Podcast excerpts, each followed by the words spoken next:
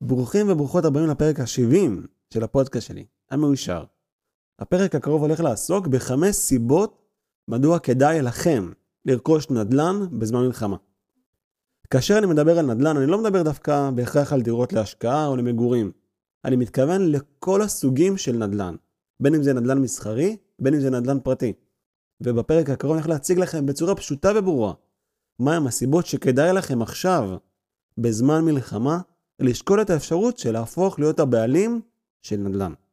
רגע לפני שנתחיל, אני קודם כל רוצה לחבק את האזרחים במדינה שלנו, את השוטרים, את החיילים, את כוחות הביטחון, את האזרחים, את משפחות החטופים, את המשפחות השכולות. לחבק את כולם, אנחנו צריכים להמשיך להיות חזקים כדי לנצח במלחמה הזאת בצורה הטובה ביותר. וביחד, אנחנו ננצח. עם ישראל חי. הסיבה הראשונה שהייתי ככה ממליץ לכם, או יותר נכון, סיבה הראשונה שהייתי רוצה שתשקלו לרכוש נדל"ן בזמן משבר, נובעת משיעור בכלכלה. למעשה זה השיעור הראשון בכלכלה. היצע וביקוש. היצע וביקוש הם הכוחות של השוק, הם הכוחות שמניעים את הכלכלה. כאשר יש ביקוש רב למוצר מסוים, המחיר שלו צפוי לעלות. מצד שני, כאשר יש היצע גבוה ואין מספיק ביקוש לאותו מוצר, המוצר הזה איננו מבוקש, ומה הולך לקרות? המחיר שלו הולך לרדת. זה פועל לשתי הכיוונים. ביקוש גבוה, מחיר גבוה. ביקוש נמוך, מחיר נמוך. ככה הכלכלה עובדת. אז הסיבה הראשונה נובעת מהעובדה שאם אתם מתכננים לרכוש נדל"ן, אתם כרגע בנקודת כוח, בנקודת מפתח. יש מחסור בביקוש, מה שמציב את המוכרים בנקודת חולשה. ואם אתם תהיו חכמים ותזהו את ההזדמנות הנכונות, תוכלו לרכוש דירה כאשר אתם בנקודת מפתח. אתם בנקודת הכוח. אתם בצד של הביקוש ואתם מכתיבים את הכללים של המשחק. כשאני אומר שיש לכם את היכולת להיות בנקודת כוח ולהכתיב את הכללים של המשחק, זה פועל במספר מישורים. המישור הראשון הוא זה שיש לכם את הכוח להתמקח על המחיר. המישור השני, יש לכם את היכולת להתמקח על תנאי הרכישה. יש לכם את היכולת להתמקח אפילו על מועד קבלת המפתח. למעשה, אתם תגלו משהו מדהים. כמעט כל בקשה לגיטימית שתבקשו מהמוכרים, אתם תגלו שהמוכרים יהיו מוכנים לעשות מאמצים רבים כדי למלא את הבקשה שלכם, וכדי לשמור אתכם בתור רוכשים פוטנציאליים לנכסים שלהם. יש לכם את היכולת להשתמש בזה, וזו יכולת נהדרת בזמן משברים. הסיבה השנייה שכדאי לכם לרכוש בימים אלו, בימי המלחמה, נדל"ן, נובעת מהסיבה שהמוכרים מבינים שהחוקים של המשחק פשוט השתנו מקצה לקצה. לפני המלחמה הם היו בטוחים שהכל בסדר, יש מספיק קונים והם יצליחו למכור את הנכסים שלהם. עכשיו, כשיש מלחמה, יש איזשהו שינוי של פרדיגמה. האזרחים והבעלים של נכסים מבינים שפשוט חוקי המשחק משתנים מקצה לקצה. כבר אין קונים, כבר אין רצון לקחת משכנתאות, כבר אין את הרעב הזה לגור באזורים שהם לא בטוחים, גם הרבה אנשים יוצאים לחל"ת ומבינים שכנראה לא יהיה להם איך לממן משכנתה. אז המוכרים מבינים שכרגע הם צריכים לשנות את האמונות שלהם ואת הפרדיגמות כי חוקי המשחק השתנו. ובתור מוכרים, עליהם לבצע מאמצים כאלה ואחרים כדי להשלים עסקאות נדל"ן שבעבר כנראה היו יותר פשוטות. הסיבה השלישית שלדעתי דווקא עכשיו כדאי לכם לרכוש נדל"ן, נובעת מהסיבה שדירות שבעבר היו דירות שהן ראויות למגורים, הופכות בימים אלו להיות דירות שאינן ראויות למגורים. ואני אסביר. עד לפני המלחמה, הרבה מאוד אנשים היו מוכנים לגור בדירות ללא ממ"ד. עכשיו, אחרי שהמלחמה פרצה ושיגרו לעבר ישראל מעל 4,000 טילים, לפחות, דירות בלי ממ"ד הן דירות שהן פשוט לא רלוונטיות. אף אחד לא רוצה לגור בהן. כל האנשים שגרו בדירות בלי ממ"ד, פשוט בורחים מהדירות הללו ומחפשים אלטרנטיבות של דירות עם ממ"ד. מה שמוביל לכך שההיצע של דירות בלי ממ"ד הופך להיות היצע גדול מדי. זה אומר שאנשים לא רוצים לרכוש את הדירות הללו ואינם מוכנים לגור בהם. ואם רגע נחשוב מחוץ לקופסה, אם ניקח למשל דירה באופקים, שזאת עיר מוכת קסאמים וטרור, ונחליט לרכוש בעיר הזו דירה בלי ממ"ד, יש לנו את האפשרות לרכוש דירה במחיר מציע. בואו רגע נחשוב על זה. היות ויש מלחמה, והמדינה מבינה שיש פה מצוקה, בין אם זה מצוקה של מחסור בדירות, ובין אם זה מצוקה של מחסור בדירות ממוגנות, יש סבירות מאוד מאוד גבוהה שאחרי המלחמה המדינה תפעל ותפעיל איזה שהם שיקולים וצעדים לטובת חיזוק מבנים, הוספת ממ"דים, שיפור התשתיות. האמת שזה קרה גם בשדרות. יש בשדרות בניינים שלמים שהמדינה הוסיפה להם ממ"דים על חשבונה. יש סבירות גבוהה מאוד שאם אתם תהיו הבעלים של דירה ללא ממ"ד, המדינה תחליט להתערב, כי יופעל עליה לחצים מדיניים, פוליטיים, ביטחוניים, שיובילו לכך שהמדינה תהיה חייבת להוסיף ממ"ד בדירות שאינן בטוחות למגורים.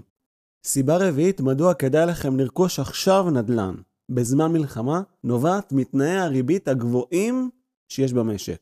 עד לפני שנה וחצי הריבית במשק הייתה אפסית. נכון להיום הריביות במשק הרבה יותר יקרות. האמת שזה פועל לטובתכם, ואני אסביר גם למה. אם לפני המלחמה, לפני שנה וחצי, שנתיים, אנשים רכשו דירות במינוף מקסימלי. אני מתכוון לאותם אנשים שלקחו משכנתאות מטורפות והלוואות מכל עולם ואשתו כדי לקנות דירה, בכל מחיר. אותם אנשים שלקחו מינוף מאוד מאוד גבוה, לקחו משכנתאות מאוד מאוד גבוהות, היום נמצאים בנקודת מצב שהמשכנתאות שלהם מתחילות לחנוק אותם. אנשים שלקחו משכנתאות והלוואות גבוהות מדי, היום משלמים את המחיר. עד לפרוץ המלחמה הם היו בטוחים שיהיה להם סוחר בדירה, שיהיה מוכן לשלם עבורם את המשכנתה, ואז פתאום פרצה המלחמה. והרבה מאוד סוחרים פשוט מסרבים לגור באותן דירות, ואין להם את היכולת להרגיש בטוחים בדירות הללו. ומה קורה? הדירות הללו כרגע נמצאות ריקות. נראה אתכם מנסים להשכיר דירה באשקלון או באופקים, תאמינו לי, זה הולך להיות מאתגר מאוד. אז מצד אחד הדירות הללו ריקות, מצד שני המשכנתה דופקת, ומצד שלישי, גם לא נראה באופק שמישהו בכלל יהיה מוכן לגור בדירה הזו. הבעלים של אותן דירות שלקחו משכנתאות מאוד מאוד יקרות, ומוצאים את עצמם בתור משקיעי נדל"ן, שאף אחד לא רוצה לגור בנכס שלהם, מתחילים להרגיש את הכאב הזה. הסבל הזה, שיש להם לשלם משכנתה מדי חודש, וגם הם לא רואים את האור שבקצה המנהרה. הם לא רואים את היום הזה שמישהו יהיה מוכן לגור בדירה שלהם, גורם להם למצוקה ולסבל רב. עד לפני שנייה אותם אנשים שרכשו דירות שהם היו בטוחים שהם השקעה בטוחה ויציבה, השקעה שתמיד הערך שלה עולה, פתאום אותם אנשים מבינים שהם רכשו דירות שבמקום להפוך להיות נכס, הם עונים על ההגדרה של נטל. נטל ששואב להם כסף מהכיס. נטל שאי אפשר להשכיר אותו. ואף אחד לא רוצה לגור בנטל בזמן מלחמה. בטח ובטח שהנטל הזה נמצא באזור שהוא מוכה מלחמה, מוכה טילים ומוכה טרור. הסיבה החמישית מדוע עליכם לרכוש נדל"ן בזמן מלחמה ובזמן משבר נובעת מהסיבה הבאה. משברים תמיד מסתיימים.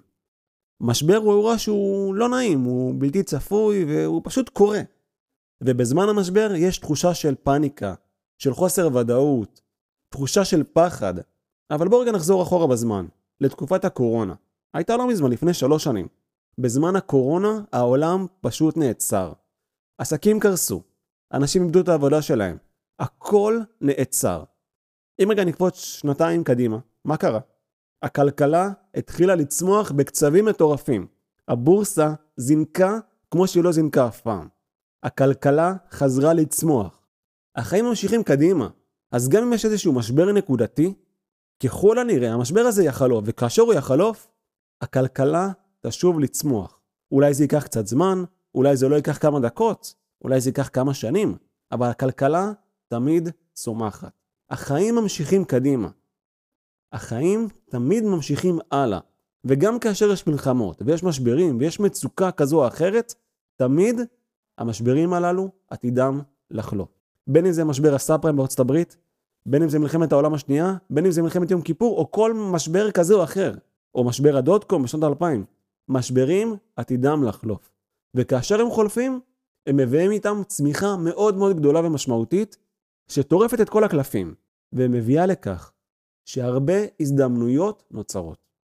הסיבה השישית מדוע כדאי לכם להשקיע בנדל"ן דווקא בזמן מלחמה, היא סיבה שהיא בונוס. והבונוס הזה יכול לשנות לכם את החיים מקצה לקצה.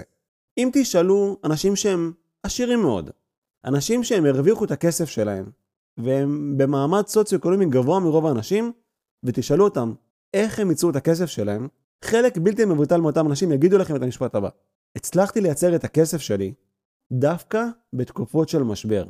בתקופות של משבר הצלחתי לייצר הרבה מאוד כסף. תבינו משהו, דווקא בתקופות של משבר, דווקא בתקופות של אי ודאות, דווקא בתקופות של פחד, נוצרים הרבה מאוד עשירים.